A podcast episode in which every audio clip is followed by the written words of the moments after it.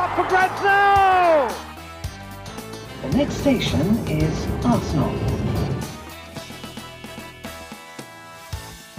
Hei og hjertelig velkommen til en ny episode av Arsenal Station med meg, Magnus Johansen og Simen Goffeng. Vi har akkurat vunnet 5-0 på Highbury mot uh, Leeds, og Thierry Henry har skåra fire mål. Uh, nei, tidsmaskinen funka ikke. Vi må stikke fingeren i jorda og innse at det er 2020, og hvor det meste på en måte er negativt. Og Dessverre en uh, blytung kveld etter et uh, begredelig forsøk av Arsenal på, på Ellen Road. Uh, Simen, du sitter i ski med en flaske whisky. hvordan er det å være Arsenal-supporter i kveld, syns du? Kan jeg få tilbake landslagspausa? Vær så snill. Det var ålreit med to uker hvor man kunne slappe av litt. og Tenke litt mindre Arsenal. irritere seg litt mindre. Eh, bare nyte den verden vi for så vidt lever i som ikke er helt fantastisk, men allikevel ganske mye bedre enn det Arsenal byr på om dagen. Eh, nei, som du sier, whiskyflaska den eh, måtte sprettes eh, på nytt, den. Eh, ny flaske, ny kveld med Arsenal. Eh, jeg, vet ikke helt hvor langt ned det er mulig å komme. Sitte liksom og bygge opp et slags håp, da, som man har gjort i, siden nesten Villa-kampen. Tenke at det der, gutta, dette her må dere ut og bevise at var en total misere. Og så kommer dette her to uker etterpå, og Arteta har fått mulighet på mulighet til å tenke hva er det som har gått feil, hva kan vi gjøre annerledes. Og så får vi servert det makkverket av en førsteomgang som vi gjør da, på Ellen Road. Det er uh, selvfølgelig begredelig igjen. Uh, det er ikke så mye annet å si enn det. Nei, vi prøvde jo på en annerledes, vi og Simen. Jeg tok jo ansvaret for å introdusere dagens episode. Og jeg vet ikke om vi klarte oss bedre med en uh, endring enn det Arteta gjorde i dag. Det tror jeg vi gjorde, uten at jeg skal uh, fylle mitt eget Nei. ego. Men uh, Jo, jeg, jeg syns du var flink, og jeg syns jo at Arteta har litt å lære da, av oss der. At bare gå ut og sjokke motstanderen litt, by på en overraskelse. Så skjer det kanskje noe, noe nytt og spennende. Jeg likte din intro veldig godt. Jeg tror Arteta med fordel også kunne ha prøvd noe helt annerledes i dag. For det, OK, det var noen små forandringer i lagoppstillinga, det kan vi komme tilbake til. Men uh, når alt kommer til alt, så så det ganske likt ut som mye av det vi har sett tidligere i sesongen.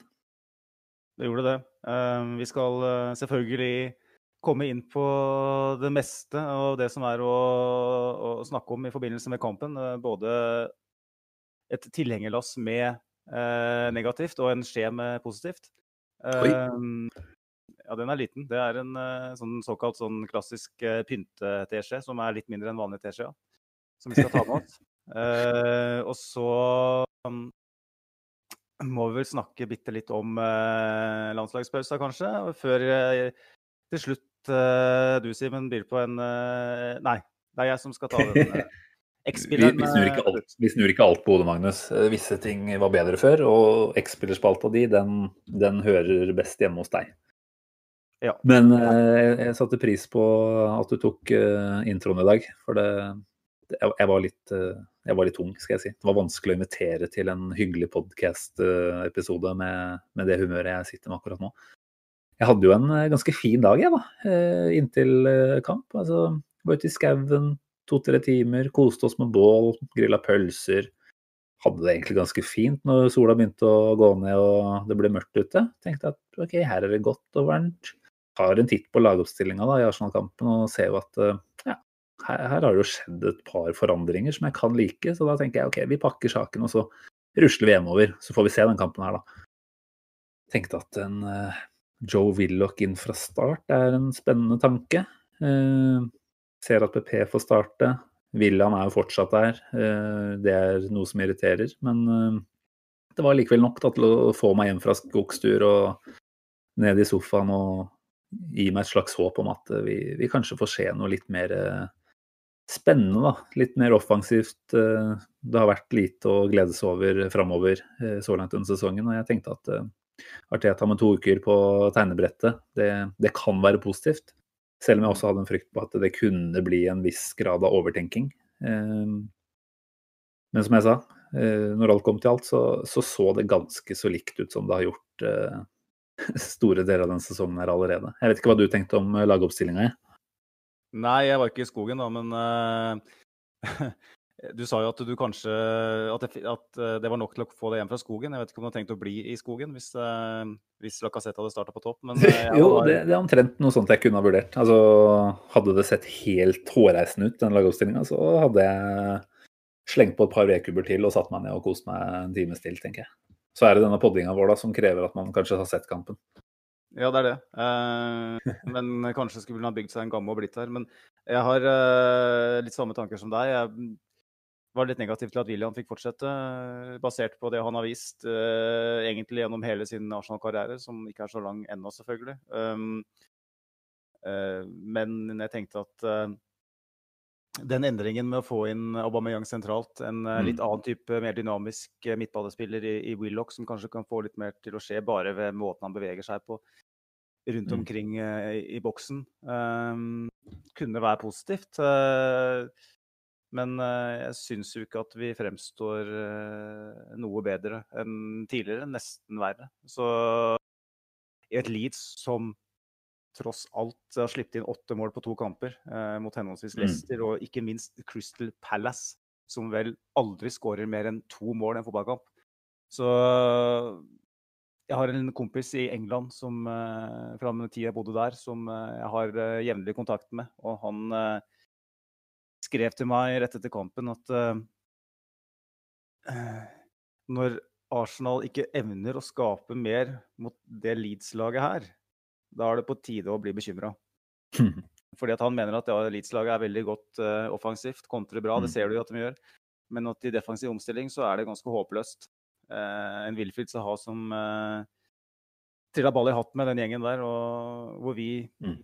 vi ser ikke ut som vi er i nærheten av å klare å skape en offensiv flyt. Da. Og da, har vi, nå har vi faktisk prøvd å endre på noe. Og kanskje må vi gi det litt mer tid. Eh, kanskje er det det som er greia her. Men jeg, jeg tror ikke det. da. Jeg syns ikke det ser ut som om eh, spillere helt tror på eh, at de skal få det til heller, offensivt. Og systemet er én ting, og nå, nå, nå, føler jeg at troen er litt borte. Og, mm. og vi har ikke skåra et spillemål da, på snart åtte timer, er det vel, i Premier League. Eh, det, det Nei, 4. oktober sjekka jeg. 4. oktober mot Sheffield United var siste spillemål. Og det er eh, ja, i hvert fall drøye sju timer. Godt over, vel, godt over sju timer siden sist. Eh, det er ganske drøyt å tenke på. Ja, det er helt jævlig å tenke på, egentlig. Så men, men du, før vi går inn på kampen vi, Jeg tenker bare for å bake inn kort om landslagspausa, som man godt kan si ganske mye rart om. Altså at Uefa tvinger eh, og ikke bare Uefa, men alle andre nei, kontinentale forbund tvinger lagene sine ut på verdensturneer i denne tida her. Det er noe spesielt, må jeg si. Eh, men sånn er det noen gang. Men det var nå en som ikke ble tatt ut på landslaget, eller som skulle ha noen sånne type forpliktelser, men allikevel for, eh, forsvant ut av eh, kontinentet. Og da snakker jeg selvfølgelig om William, som tura til Dubai i landslagspausa. Han var på restauranten til Hva heter den? Salt Bay. Salt Bay. Han er det som strør salt over uh, kjøttstykker. Og ja. Allikevel så ser vi William fra start i den kampen her. Det, det, må jeg bare si at det er uh, Når du på en måte dytter det oppå de prestasjonene han har lagt igjen på banen de siste ukene, da, da har jo Arteta virkelig funnet gullgutten sin selv om han tar den til pause i dag. Fy fader, tenk å utsette seg selv da, og laget for den potensielle smittefaren der. Eh, fatter det ikke. Og egentlig veldig merkelig òg at ikke han er i karantene. fordi eh, så fremt du ikke er en eh, toppidrettsutøver, da, eller har, et, uh, har et, uh, en oppgave utenfor landegrensene som måte, tilsier at du gjør det i et uh, toppidrettsøyemed, så, så, skal du i karantene. Og jeg kan ikke fatte og begripe at eh, man kan argumentere for at William reiste ut av landet eh, av noen andre grunner enn egoistiske. Da. Så jeg må si jeg var, det var sånn ekstra greie da, som gjorde at jeg var skuffa over å se han fra start. Eh, vi har en manager som elsker å statuere eksempler når det kommer til oppførsel.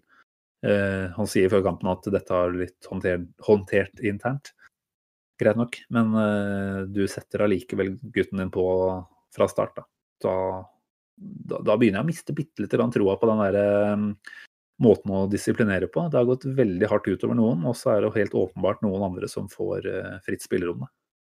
Mm. Det, jeg hadde jo en rant uh, i forrige episode om uh, William, uh, så jeg tenker jo at jeg skal ikke holde på evigheter om det i dag. Men vi har jo vært veldig kritiske til PP. Arteta var veldig kritisk til PP i intervjuet, og rightly so, altså. Men det var et øyeblikks idioti. heat of the moment på mange vis, selv om det var mm. fullstendig fuckings håpløst å gjøre så tenker jeg at William som en, eh, en ledestjerne og en erfaren spiller, en leder i det laget skal være, som har vært masse uh, Jeg har spilt masse i Premier League i mange år. Spilt på landslaget til Brasil. Det, er, det her er ikke noe sånn der, dette her er ikke en sånn glipp, det er ikke en heat of the moment-greie. Det, det, her har han gjort iskaldt og kalkulert. Mm. I den tenke at han er verdt så jævlig mye mer enn alle andre. At han, han kan ikke sitte på ræva hjemme i den der forbanna penthousen sin uh, i noen dager Uh, han, måtte, han, måtte, Dubai og, og, og fiffe seg med, med, eliten i stedet for å gjøre jobben sin. Og da, når Arteta i tillegg uh, kommenterer det og ikke, velger å ikke eller velger og velger og ikke prøver å på noen måte benekte at det var en fritidsreise, en lystreise, så sier jo mm. det alt. Han sender alle signalene han ikke skal sende, uh, og han får fortsette i elveren. Og når du ser Reece Nelson kommer inn i dag jeg skal ikke si at han gjorde all verden, men han gjorde mer enn nok til å kunne si at han har vært bedre enn William. Mm. Og da da forstår jeg det ikke helt, da. Det er non-negotiables. For det sitter en, uh, en tysker uh, og jobber for VG Live, holdt på å si, hjemme i en annen, en annen penthouse. som av en eller annen, eller flere grunner, er ekskludert. Fordi at han ikke drar lasset på den måten som klubben og, eller og Arteta ønsker.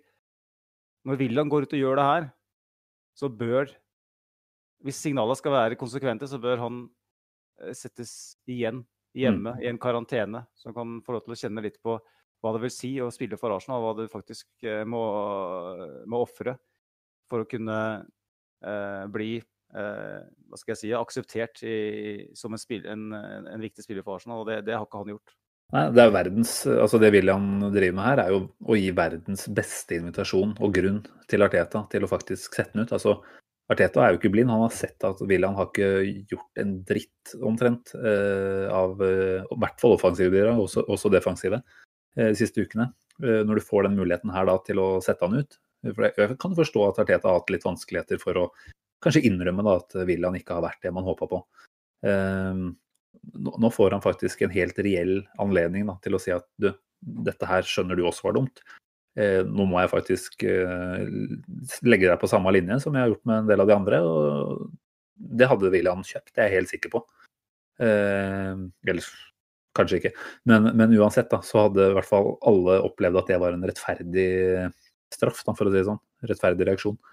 Og når han da allikevel velger å ta et kontroversielt standpunkt og sette den inn fra start, da, da er den armen rundt William altså så uh, stor, den. Og da, da, kan William omtrent komme unna med drap og fortsatt bli beskytta av Arteta. Jeg, jeg syns det er helt, helt spinnvilt, faktisk. Uh, og det William-prosjektet nå. Vi er altså på måned tre av tre år jeg, jeg syns det er ekstremt uh, å sitte og sette seg selv i denne posisjonen en gang til. Men ok, vi har snakka så mye om William tidligere, og bortkasta penger og alt dette her, så vi trenger ikke å ta den en gang til. Men vi kan konstatere at de 45 minuttene han fikk i dag, de var uh, ræva nok en gang. Og da var han allikevel uh, fryktelig mye bedre enn hva mot Aston Villa. ja. ja ja, da var han jo ikke ræva engang. Absolutt. Ok, nei, men altså førsteomgangen, da. Det var uh, det var egentlig Vi hadde vel kanskje et Jeg følte at vi hang med litt de første 10-15. Mm. Eh, så jeg vil ikke si sånn sett at planen til Arteta var å gå ut og bli spilt lav og være såpass lite eh, ja, offensivt anlagt. Da. Men, men, det blir ganske kjapt tydelig at Leeds tar grep om dette her. Og hva, hva, som på en måte går gjennom hodet på Arteta da. Hva, er det sånn at han har planlagt for dette her, tenker du? At vi, vi skal tillate Leeds å spille oss eh, ut på den måten de driver med? Vi, vi ser jo ikke ut som et fotballag som har egne aspirasjoner utpå der. Altså, det er jo et Leeds-lag som har en tydelig spillestil. Eh, de har klare oppgaver da, fra treneren, mens eh, det, det, Arsenal ser ut som i første gang, er jo ikke en enhet i det hele tatt. Det er altså, Ja, i beste fall kan du si at vi, vi, klarer å ligge relativt samla bakover, men vi er jo ikke kompakte. Vi blir jo, blir jo spilt rundt uh, flere ganger. og jeg, jeg syns det er ganske sjukt at vi etter to uker uten kamp får servert de 45 minuttene der. Ja, det er jeg på linje med deg. Vi, vi starter jo ganske bra. Jeg, det overraska meg litt. Jeg, jeg, tenkte jo at, uh, at Leeds kom til å komme ut uh, i 100, som de nesten alltid gjør. Mm. Uh, og at Ariteta kanskje kjøre litt forsiktig linje i starten. Eh, og jeg tenkte kanskje de første 25 så var jeg positivt overraska. For jeg tenkte at Leeds virker ikke å være helt på her i dag og gjør en del feil. Eh, mm. slår en, spesielt i, i midtbaneredd så blir det slått en del tversoverpasninger som ja, veldig, egentlig fryktelig enkle feil. Som vi så Leicester mm. eh, og Crystal Palace straffe brutalt.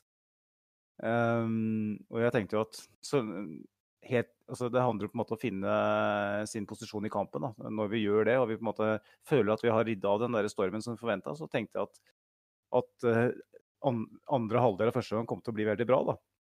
Men det skjedde jo mm. absolutt ingenting. Vi, vi ble bare dårligere og dårligere. Vi klarte ikke å, å utnytte noe av det i de feilene som Leeds gjorde, for det, dem var brutalt eh, svake. Det var sånn eh, mm. type tversoverpasninger som hvis en Arsenal-spiller hadde gjort det, så hadde vi kasta korkopptrekkere, noe som jeg gjorde igjen. Den eh, VM 86-korkopptrekkeren min, eh, den, eh, den overlevde. Oh, får kjørt seg. Forrige, forrige, match, men i dag så fikk han enda en, en, en trøkk. Så den, den, begynner å bli litt ribba nå for plastikk. Men det, det var jo Det er noe med det, også spesielt Arteta som står og coacher på linja der eh, i 90 minutter. Og da ser Leeds da ikke være helt påskudd fra start, ikke være helt på jobb at han da ikke klarer å løfte laget sitt. da. At de kan klarer å sende mm. de beskjedene ut på banen som gjør at Arsenal tenker at oi, det her er ikke det vi forventa. Nå kan vi bare løfte laget og, mm. og begynne å angripe med flere mann. Få i gang det offensive spillet. Det er fortsatt i samme tralten. Og blir det offensive spillet, ja, det er, hva er det du snakker om? Det er ikke noe offensivt spill, det er ikke det, men det forventa kanskje at det skulle være det. da. Mm. Eh, når vi endra litt på personell og litt på formasjonen offensivt, så tenkte jeg at eh, eh, kanskje kommer det noe nå, da. Eh, og de har hatt litt, litt, lite tid til å jobbe med det på treningsfeltet og sånn. Og kanskje, kanskje var det litt forventa sånn sett etter landslagspause at, ikke, at, vi ikke skulle, at ikke det her var kampen hvor vi plutselig skulle begynne å glimre. Men jeg, jeg, jeg følte at Leeds was there for the taking, som de sier i England i dag. For alvor. Det her var ikke Jeg vet at Nils Johan verdensklasse Seb. Snakke om verdensklasse i hele kampen igjen. Men Leeds var ikke så Jeg syns ikke Leeds var så gode, da. Ja, de gjør en god del bra offensivt. Det er en, bra, en, del, det er en del, godt spill, men avslutningen deres kommer jo stort sett fra litt vanskelige posisjoner. Det er jo ikke, det er ikke på blank kasse, liksom. Det er ikke så jævla bra, det de holder på med. Eh, det er bare det at Arsenal inviterer dem gang på gang på gang. Yep. Uh, og det forstår jeg ikke. da. Jeg forstår ikke hvorfor vi skal invitere dem på den måten. Uh, I dag så hadde vi flaks som ikke slapp inn to-tre mål. Og hadde vi vært uh, litt påskrudd og, og, hatt en litt mer offensiv mentalitet, så, så kunne vi ha gitt Leeds null sjanse i den kampen her. Mm. Men, et nyopprykka lag er de tross alt. Jeg syns det blir litt useriøst å sitte og snakke om at ja, men Leeds de har jo samme treneren i så mange år nå, og de er så godt organisert. Og, de kommer jo fra championship for faen i fjor, da. Vi er Arsenal. Vi skal ikke være så defensive i hodet at vi tenker at, at vi skal komme til Ellen Road og liksom la dem styre. Sånn skal det ikke være. Men Du sier jo enkelt, da. Vi er Arsenal. Og hvor mange kamper denne sesongen her har vi vært Arsenal? Altså, Arteta kjenner jo historien, eh, forventningene, hva som ligger av eh, krav da, til den klubben her. Men det er jo ingenting omtrent av det vi har sett så langt denne sesongen her, som tyder på at Arteta går ut og tenker at vi er Arsenal, vi skal, vi skal styre fotballkamper. Eh, vi, altså Jeg likte ikke Emerys eh, måte å omtale oss som protagonister på, hva er det vel han brukte. Men, eh, men, han brukte i hvert fall det ordet. Eh, det var kanskje ikke alltid vi fikk det til da heller, men Vi er så langt unna vi å være protagonister. Vi, vi sitter og er liksom reaksjonære. Vi, vi, venter på motstanderen skal gjøre et eller annet feil, eller eh, slappe av litt mer. Det er, liksom, det er ikke noe eget i hva vi holder på med, da. Føler jeg. Det er identiteten i dette laget her, hva er det egentlig? Hva er en kampplan for oss? Eh, jeg tror ikke jeg har sett mange kamper denne sesongen hvor vi virkelig har gått ut og vist at det, er en åpenbar kampplan. Altså United borte, da, da hadde vi en førsteomgang som så jævlig bra ut. Um, men utover det så har jeg, jeg føler bare at de blir satt på banen, og så ser det tilfeldig ut. Og det er helt sikkert det totalt motsatte av det Arteta forsøker. Da, fordi alt tyder jo på at han er en taktiker av rang. Eller han er en taktiker, og så er det fortsatt uh, veldig opp til vurdering om han er av rang eller ikke. Men, uh, men, han ønsker jo å få noe til med det laget her. Og da er jeg liksom tilbake til hvorfor får han det ikke til? Er det så jævla avansert, da? Skjønner de det ikke? Eller ønsker de ikke å ofre nok for å få det til å funke? Hva, er det som mangler her? Det er, det er, jo helt åpenbart at det er noe som ikke stemmer. Det er det. Og spørsmåla ja. blir jo flere enn, er mange flere enn svara. Sånn er det gjerne. Men nå er, nå er, det en overvekt som ikke er bra. Vi, vi stiller de samme spørsmåla kamp etter kamp etter kamp, og vi får for så vidt uh, de samme svara, de vi ikke vil ha. Mm. Uh, Arteta er veldig tydelig i, i sin tale. Han er, uh, kommuniserer jo veldig bra, men uh, det er klart nå Det er veldig greit når du er ny. Altså, han, han, for all del. det skal jeg ikke ta fra han på noen måte. Men når resultatene går, går veien, du er ny i en klubb og du skal på en måte rydde opp i en ukultur osv., så, videre, så når du er så sterk til å kommunisere som han er, da, så mm. utnytter du jo det. Men hva nå, når du eh, ting eh, går imot, og du ikke lenger har det, kall det sånn mentale overtaket på fansen, nærmest, da, som man har mm. hatt. Så mm, når man forsvarer seg litt uh, sjøl og det er, det er, litt vondt å se på, da, for det, han, jeg føler at han liksom han skylder på ditt og skylder på datt. Nå skylder han liksom han sier at han, han likte personligheten vi hadde uh, før PP ble Eller personligheten til laget før PP ble utvist. Det okay. ikke, det, eller, eller, i det tidspunktet han ble utvist, da, så, så påstår han at da likte han personligheten uh, til, til, laget. Så han likte kanskje den, det svaret han fikk etter pause, da? De, de sju minuttene du tok før, før PP ble utvist? Og, da, og, og, det han da gjør, da, er å si at er, PP koster oss den kampen her. Eh, og det, det, mm. kan du godt si at han gjør. Men eh, vi, vi spilte 11 mot 11 i første omgang og var mye dårligere enn vi var med 10 mot 11. Mm. Så vi kan, ikke, vi kan, ikke, holde på sånn som vi gjorde under Emry, at uh, vi spiller alltid dårlige førsteomganger, og så må vi drive og bytte og ordne i, andre, i pausa fordi at første kampplanen ikke funka. Det er veldig forfriskende en sjelden gang iblant ikke sant? at du har en mm. trener som mm. sier at i dag så bomma jeg litt. Og jeg er, stolt, jeg, er ikke, så stolt at jeg ikke endrer på det. Mm. Uh, så, men når det på en måte blir uh, Kall det regelen i stedet for unntaket, da. Da blir det feil. Og det, det skjedde jo veldig under Emry. Og jeg føler jo mm. at vi har kommet dit under realiteta nå at liksom når pausa kommer, så sitter vi ikke vi og, og tenker at oi, vi har vært kjempegode i første omgang. Hvor, ofte, hvor, ofte, har vi tenkt det i, i denne sesongen her? Sånn at... Nei, den sesongen her er det vel ingenting, nesten. Nei, nettopp. Og det, det er den Fotball er ferskvare. Mm. Og nå har, eh, nå har, de andre managere og trenerteamet i Premier League lært seg å kjenne Ariteta. De vet litt hvordan de skal mm. legge opp en gameplan mot Ariteta. Så det som skjedde i, i sommer, det kan du bare drite i nå, for det, det, det teller ikke nå lenger. Nå må han eh, svare på det som, de spørsmålene som han blir stilt av de andre managerne. Nå, nå, er det en ny realitet for han. Og det er en, en, del av det å være manager i Premier League. Og jeg mm. vet at Ariteta er så ambisiøs eh, at han selvfølgelig gjør alt han kan. Men hvis han ikke greier det, så så blir det bare vondt, da. Og det vi skal, ikke, vi skal, ikke, gå så langt som å snakke om, eh, kanskje i dag om at vi skal snakke om han bør beholde jobben uh, så mye lenger. Men jeg er eh, fortsatt på det Arteta-toget, selv om jeg holder meg fast til hattehyller og midtgangstenger og alt som er nå, for jeg syns det svinger litt mye nå. Så er jeg fortsatt på toget. Jeg, jeg tror fortsatt at Arteta er rett mann. Det er for tidlig. Det er, det er, så mange Det er så mye Det er så spesielt, det som har foregått med korona mm. og alt det greiene der. Og det, det helvete sirkuset han uh, tråkka uti når han kom. Men uh, fem-seks sånne kamper til mm når vi begynner å nærme oss halvveis sesongen.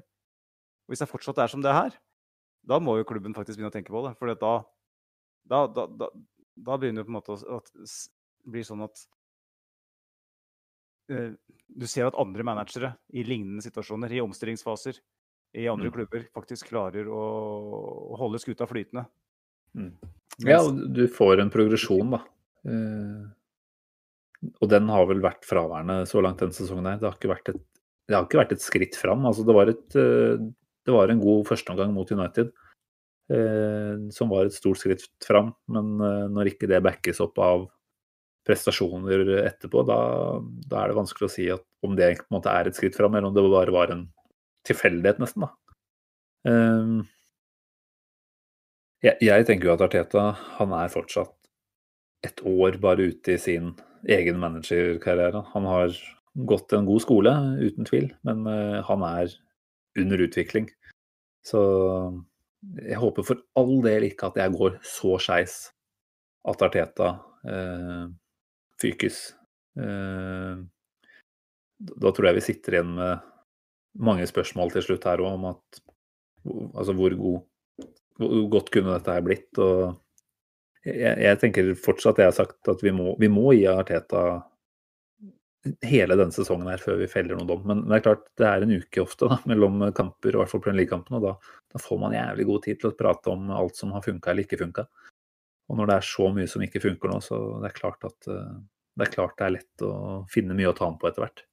Og jeg ser jo at noen der ute Ja, ja for jeg tenker hvor, hvor lenge eh, Eller hvor, hvor, ille skal man tillate eh, at det blir, da?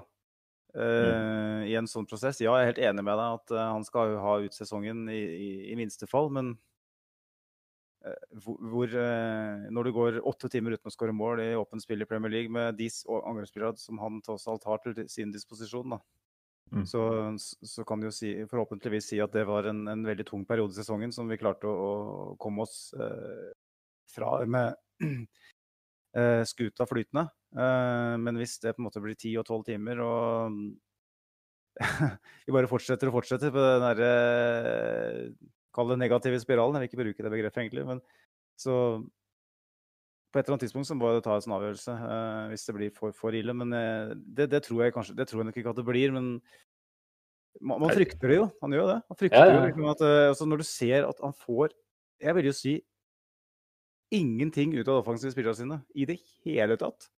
Eh, altså, du har en samling offensive spillere som i fjor så hadde Aubameyang 22 ligamål i Premier League. Eh, William hadde 16 målpoeng for Chelsea. Lacassette vet vi er god for Si han klarer i hvert fall en ti ligamål hvis han presterer på sitt beste. Det bør han minst klare. Ja. Uh, du har en PP. Du, du, ser at åpenbart er en spiller med ferdigheter. Men ingen av dem presterer i det hele tatt. Og da er det sånn Er alle de så jævla dårlige, da? Har vi, har, mm. har, det, har vi overvurdert dem så til de grader? Eller er det noe med måten vi spiller på, noe med måten manageren setter opp laget på, som, eller motiverer de offensive spillerne på, som gjør at dem ikke presterer? Det er veldig mystisk at alle de spillerne samtidig skal plutselig mm. fullstendig ja, ja. Eh, sånn off the cliff-stuff, da. Men eh, så, så klart Det er jo naturlig at hvis det ikke flyter offensivt, så vil jo alle offensive spillere slite. Men det, det er litt sånn paradoksalt at, at, spillere som var så gode i fjor, eh, som spiller sammen, eh, ikke klarer å få til noe som helst. Eh, det er bare det er, de, det er, det største spørsmålet vi må stille, da. Vi må bare stille spørsmålet gjentatte ganger. Hver eneste uke må vi stille hvorfor er det ingen av de spillerne som presterer. Hvorfor klarer de ikke å få det offensive til, til, til å flyte? Og det er det manageren som har ansvar eh, for å løse. Og det ser jo ikke ut som han helt har kontroll på det. Nei, og det er, det er jo som du sier, det, er, det, er, ikke én spiller her og der som ikke presterer. Det er jo absolutt alle de offensive spillerne som lider, da. Og hvem er det du på en måte ser tar det ekstra taket, da? Jeg syns det, det, det, er så mangelvare på, på, at de har en innstilling som viser at de virkelig ønsker å få til dette her for manageren. Da. Det er en sånn oppgitthet, tapp, altså litt sånn tapermentalitet ute og går eh, blant mange av de, da. Hvor det er, det er, lite vilje til å snu det. Og nå snakker jeg om vilje og ikke evne, fordi evnen tror jeg de har. Men det er liksom Det er ikke den siste lille punchen da, som skal til for å, for å virkelig kunne snu dette her.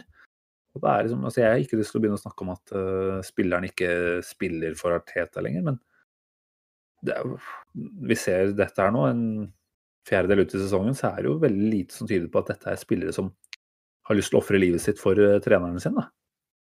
Det, det, var gull og fine ord fra flere av spillerne når Arteta tok over. og Det var snakk om at de var frigjort og at det, det var en helt annen stemning. da. Fordi fotballen som ble spilt var så mye mer positiv. Eller alt var mer positivt. Men det er jo ingenting som tyder på at det er en, eh, et overskudd av energi og spilleglede og sånt på den gjengen her. Det er eh, spillere som gjør den jobben de har fått beskjed om, føler jeg. Og så tar de på en måte ikke det ekstra taket som man må kunne forvente at en fotballspiller på det nivået her tar.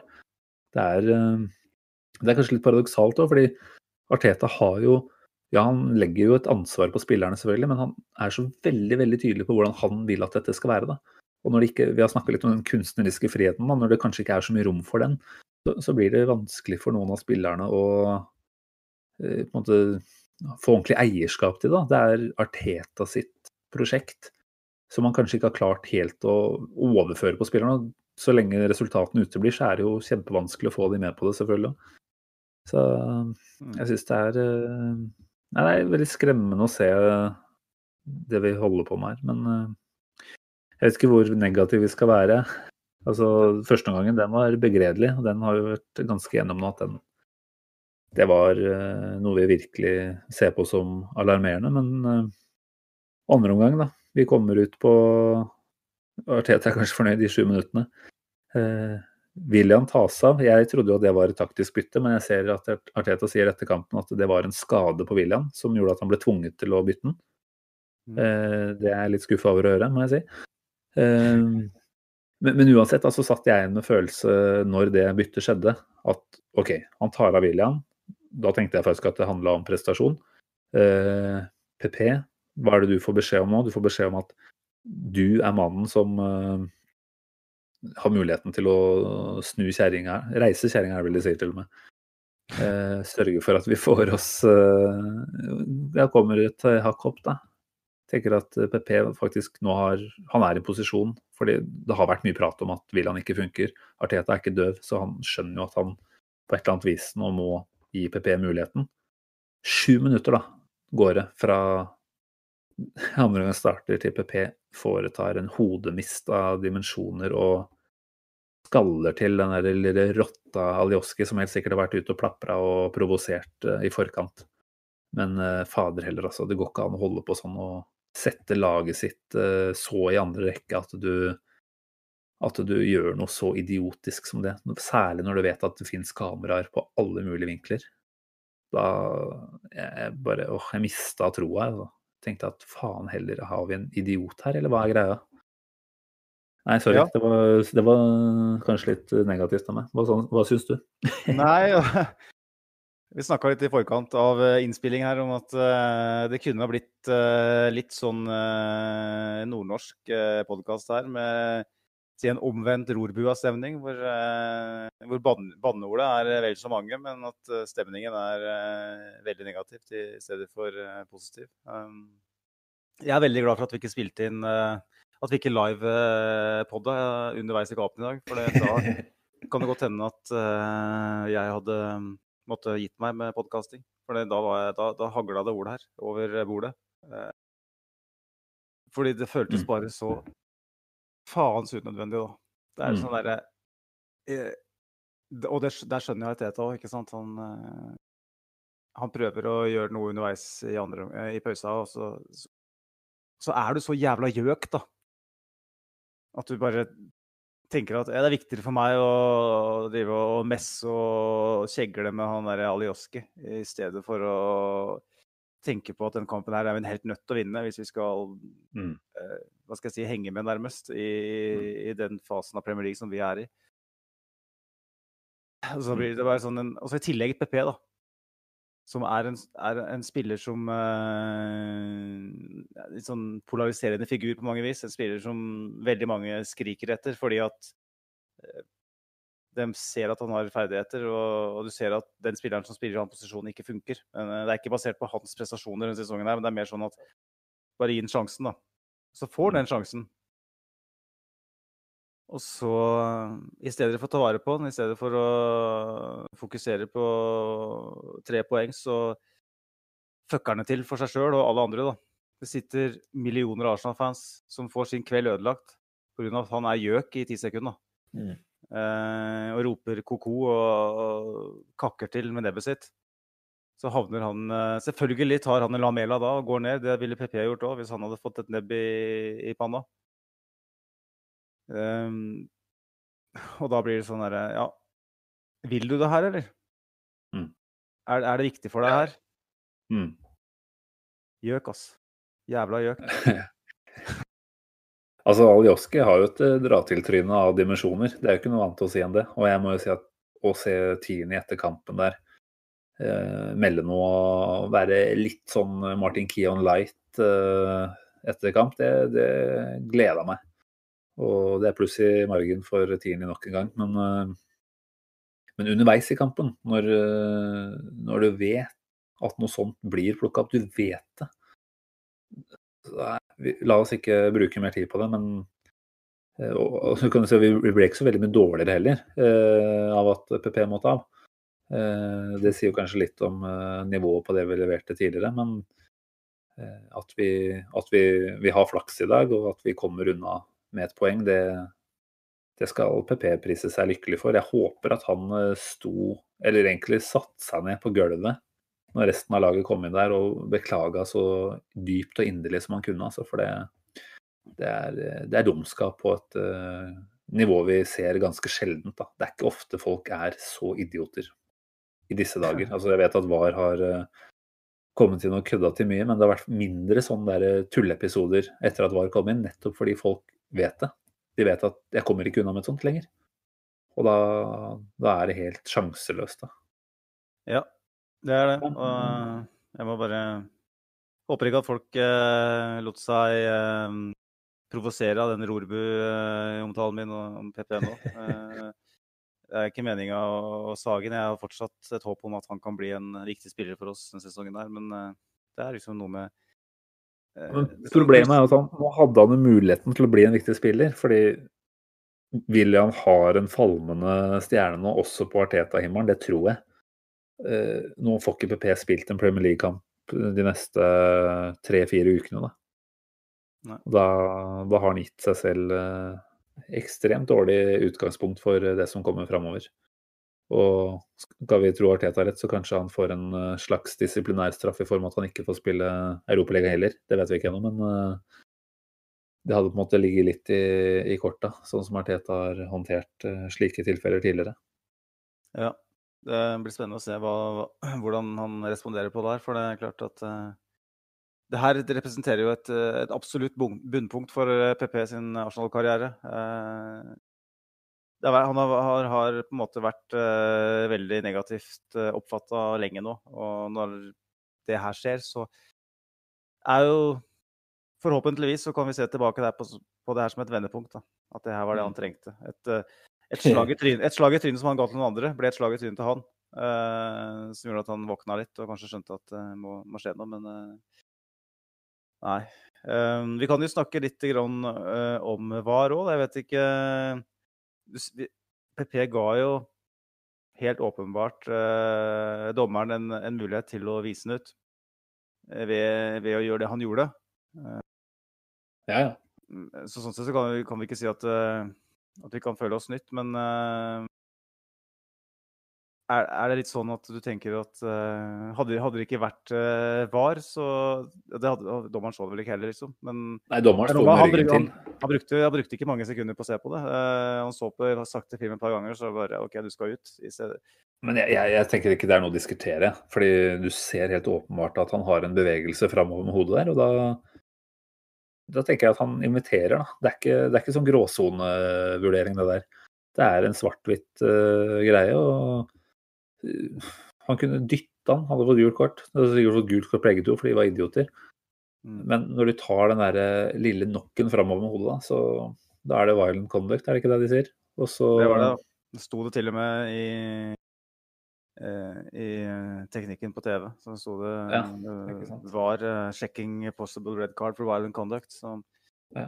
Nei, jeg, jeg, jeg, jeg syns ikke vi trenger å diskutere noe mer. Det var ren og skjær idioti. Og det er forhåpentligvis noe PP lærer av. Men det vi kan diskutere litt når det kommer til VAR, er jo denne straffesituasjonen mot slutten. da, Hvor uh, Aubameyang fyrer husker ikke helt hvem som får den på seg, men uh, det er vel en som går ned, får ballen i låret, hvorpå den da spretter videre opp i armen. En arm som er helt tydelig ut fra kroppen, og ballen treffer jo langt ned på armen. Så etter alle tidligere vurderinger denne sesongen her, så skjønner jeg ikke at det ikke er straffespark. Fordi ok, Jeg liker jo ikke den hendelsesregelen noe særlig godt sjøl. Eh, men med tanke på hva annet man har sett da blir dømt for til nå, så fatter jeg jo ikke at det ikke skal være et straffespark. Nei, jeg um, Igjen så fikk den der 86 korkopptrekkeren en uh, luftig reise uh, i kjellerstua. Uh, det var det andre virkelige utbruddet jeg hadde. Det, det, provoserte meg innerst i beinmargen. Men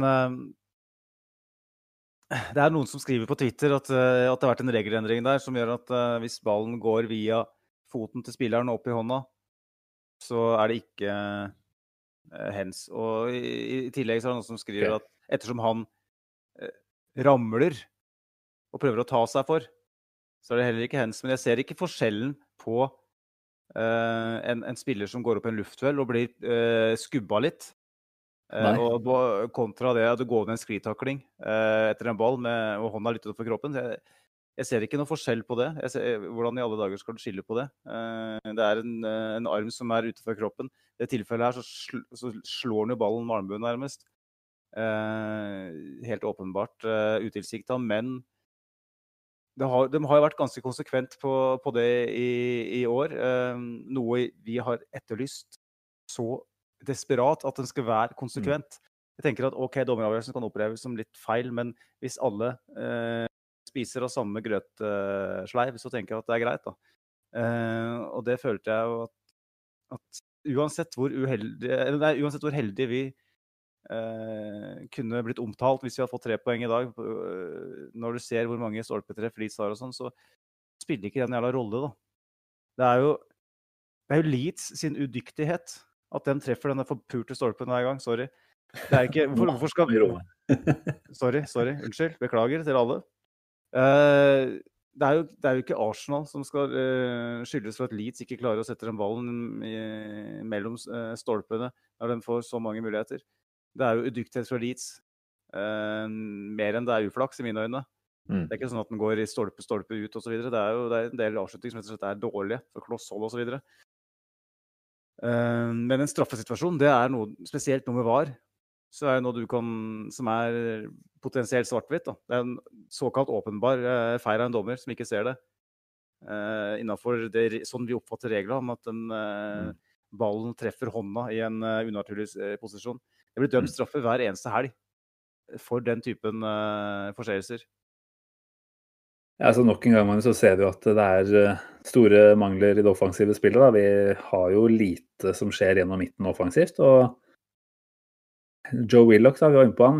Var, jeg var i hvert fall ganske fornøyd med at han, eh, han, var å se fra start. Eh, men kan vel ikke si at han akkurat fikk vise seg fram sånn skikkelig. Altså, han løper jo litt rundt, men blir jo aldri involvert i spillet slik som vi skulle ønske. Og så er vi jo der da at vi nok en gang ender opp med å snakke litt om uh, Mesut Özil. Uh, han har uh, nå en måned på seg fram til det er nytt registreringsvindu for, for Premier League-troppene.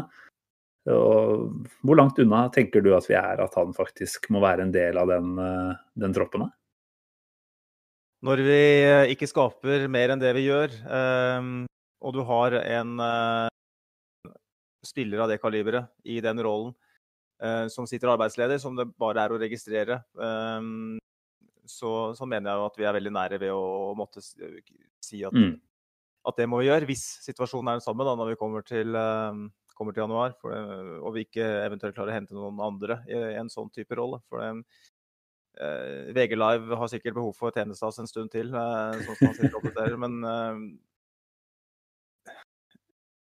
her, det, her, må det svelges kameler i flere, i, flere, retninger. Da. Jeg tenker at en Ariteta har mulighet nå til å gå litt diskré til verks og, og, snakke med Øzil og, og høre om, eh, om eh, han er villig til å kutte ut eh, noe av de der ablegøyene på sosiale medier. Eh, få det til å fremstå som om en eh, nærmest eh, har en vendetta mot alt og alle og skal tilbake. Mm. Og fremstiller overfor spillerne nå på den måten. så kan jo kanskje med heva, heva hodet registrere den igjen og si at Øzil har eh, jobba med de tinga vi eh, ønska at han skulle jobbe med. Eh, og da må det jo, som Arteta har sagt det hele veien, at alle har en mulighet. Så lenge de er i, i, i Arsenal, så har de en mulighet til å motbevise. Yes. Hvorfor skal ikke det gjelde en Øzil? Og jeg ser på en måte ikke helt det negative eh, ved det heller, fordi han har et halvt år igjen av kontrakta. Og hvis han ikke presterer, og, er det jo bare å si sorry, du er ikke med i troppen. Uh, vi ga det et forsøk, men det funka ikke. Så mm. det er noe med å snu enhver stein da, når du er i en desperat situasjon. For det, mm. for det er vi nå. Altså, vi er i en desperat situasjon eh, når det gjelder å skape målsjanser. Jeg vet ikke mm. hva du eh, eh, mener, Simen?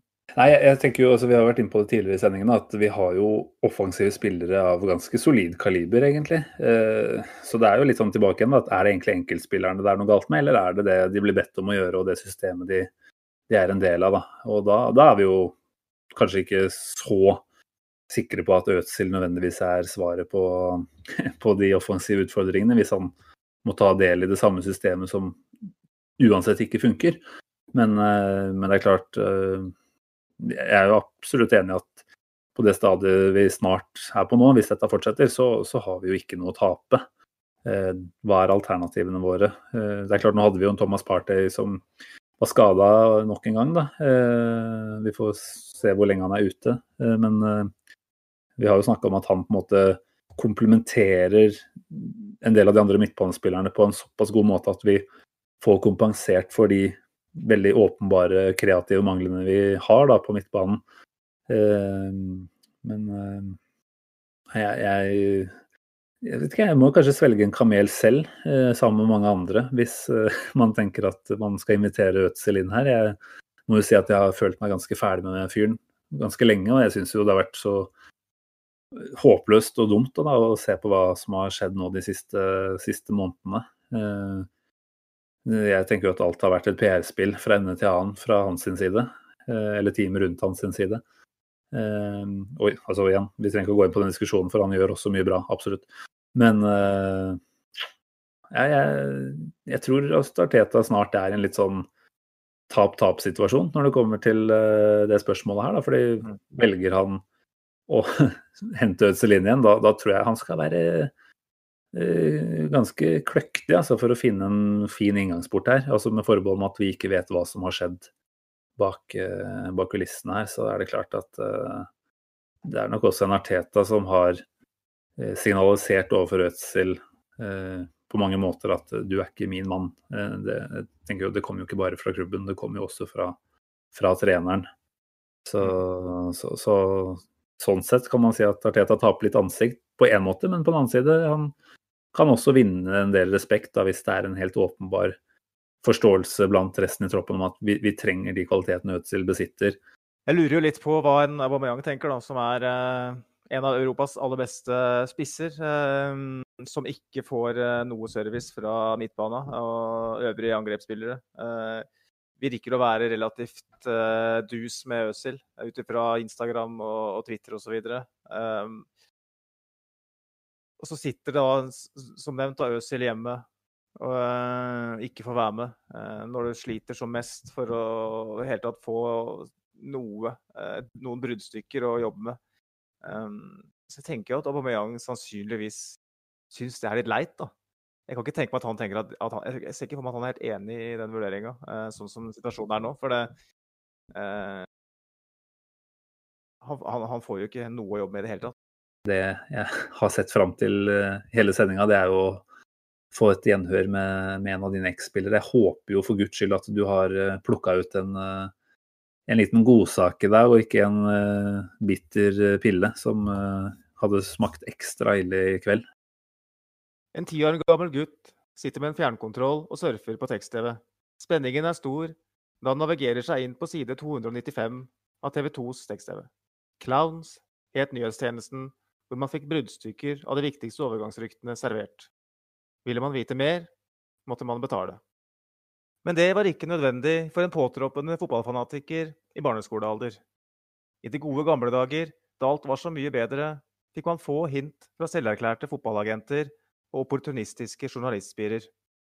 Da var det nettopp tekst-TV, eller sportsnyhetene, som var eneste dagsferske kilde.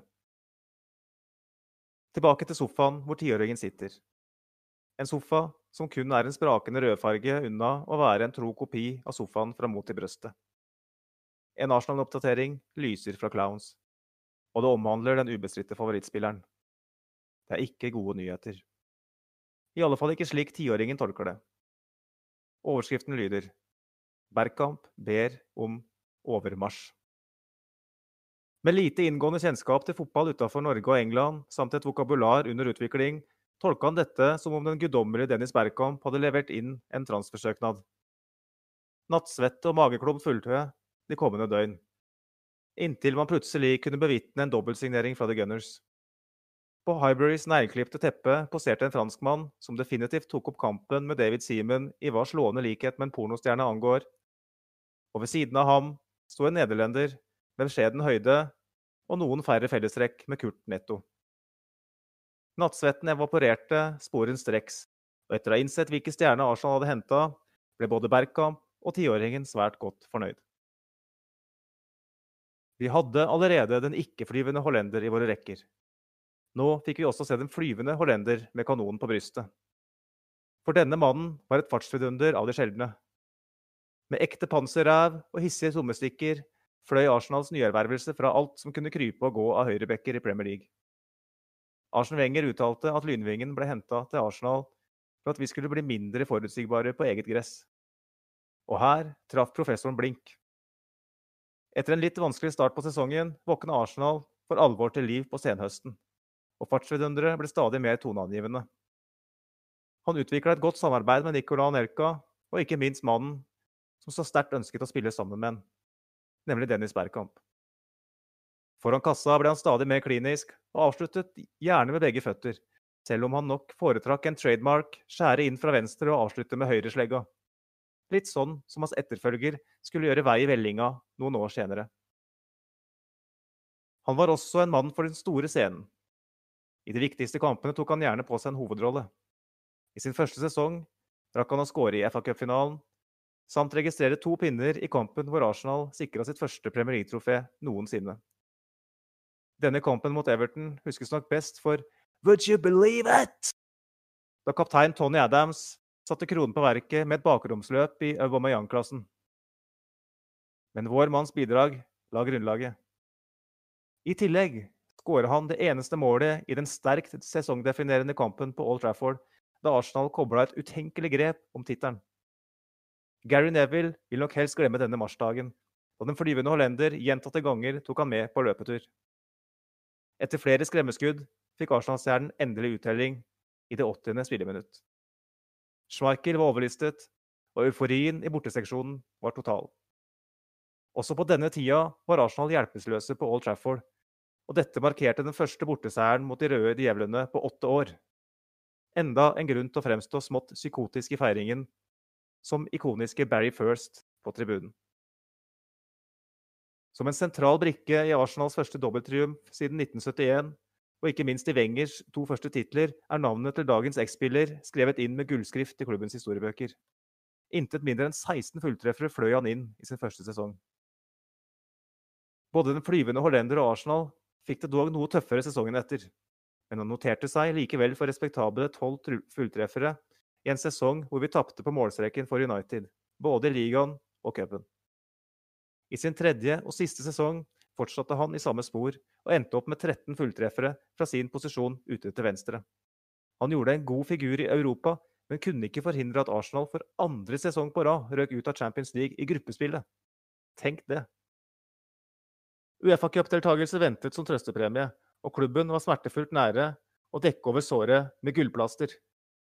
Etter flere imponerende kamper endte ferden i Parken i København. Arsenal og europacupfinaler 17. mai er likevel en horribel kombinasjon, og denne var intet unntak. I denne bataljen fikk vi også bekreftet at Martin Kion har lite til felles med Filippo Insagi da han brente alle sjansers oldemor i andre omgang. Finalemotstander Galatasaray kunne dermed feire med gammel dansk og røde pølser etter å ha vunnet en straffekonk hvor det meste gikk galt for Arsenal. En straffebom ble dermed den flyvende hollenders siste bidrag i kanonskjorta. Sammen med den samme pornostjernen forlot legendariske Mark Overmars klubben, og en 13-åring måtte på ny sjekke tekst-TV for å søke trøst i spennende overgangsrykter. Og apropos gullplaster, noen uker senere ankom Robert Pires. Ja, jeg er enig med at uh, det, var noe, det, var ikke noe, downgrade fra Overmars til Pires, så vi får si oss tålelig fornøyd med den uh, totale dealen der. Eh, når det ble som det ble, med både Pires eh, i Arsenal-drakt og Novomar som var skada etterpå. Nei, Magnus, takk for uh, at du løfta humøret litt her igjen. Fin, fin, avslutning på podden nok en gang. Tenker jo at vi får bare si kort at dette har vært en, en innspilling som har pågått over ganske lang tid, fordi det har vært store tekniske problemer.